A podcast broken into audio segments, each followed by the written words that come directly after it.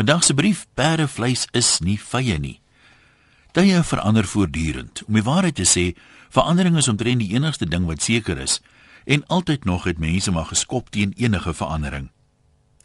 Ek is seker toe daar jare en jare gelede voorgestel is dat wildsvleis deur mense geëet kan word, was daar 'n konsternasie. Mense het na hulle Bybels gegryp en gevra, hoe durf die mensdom die nageslagte van diere wat Noag so liefderyk op die ark versorg het as bron van proteïene sien? Waar gaan alles heen dat vandag se mense na geen respek meer het nie?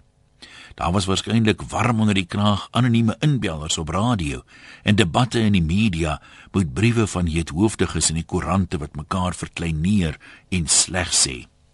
Ja, die media toe al net sensasie gesoek en natuurlik weer alles verdraai. Daar's gepraat, geskryf en die saak is van alle kante beredeneer.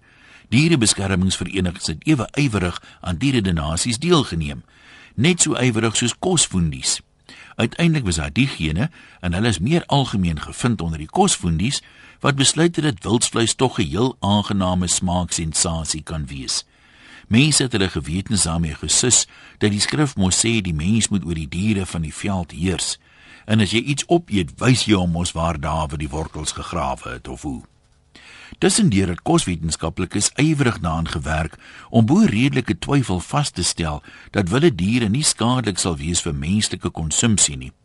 Uiteindelik moes die dierebeskermingsverenigings die stryd gewonne gee. Die oorwig teen hulle was te groot en die hongersnood in die wêreld is ook 'n immer groter wordende probleem. Tog het 'n aantal mense uit blote opstand se muur vegetariërs geword.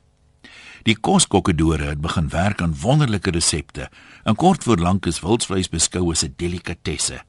Komitees is gestig om te besluit of die vleis dalk te wild, te soet, te sout of te wat ook al is.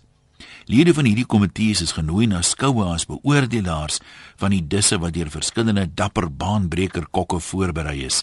In algaande het die mense dit gewoond geraak en meegedoen en stilweg gelag vir oupa en ouma wat aanvanklik so daaroor gewroeg het.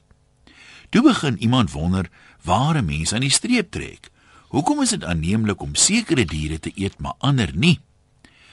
Nou wonder ek of ons kleinkinders nie ook heerlik aan perd gaan smil en stilweg gaan lag vir ons wat eers niks daarvan wou weet nie. 'n Mens weet nooit, maar perdevleis is darem nie vye nie. Groete van oor tot oor, anoniem.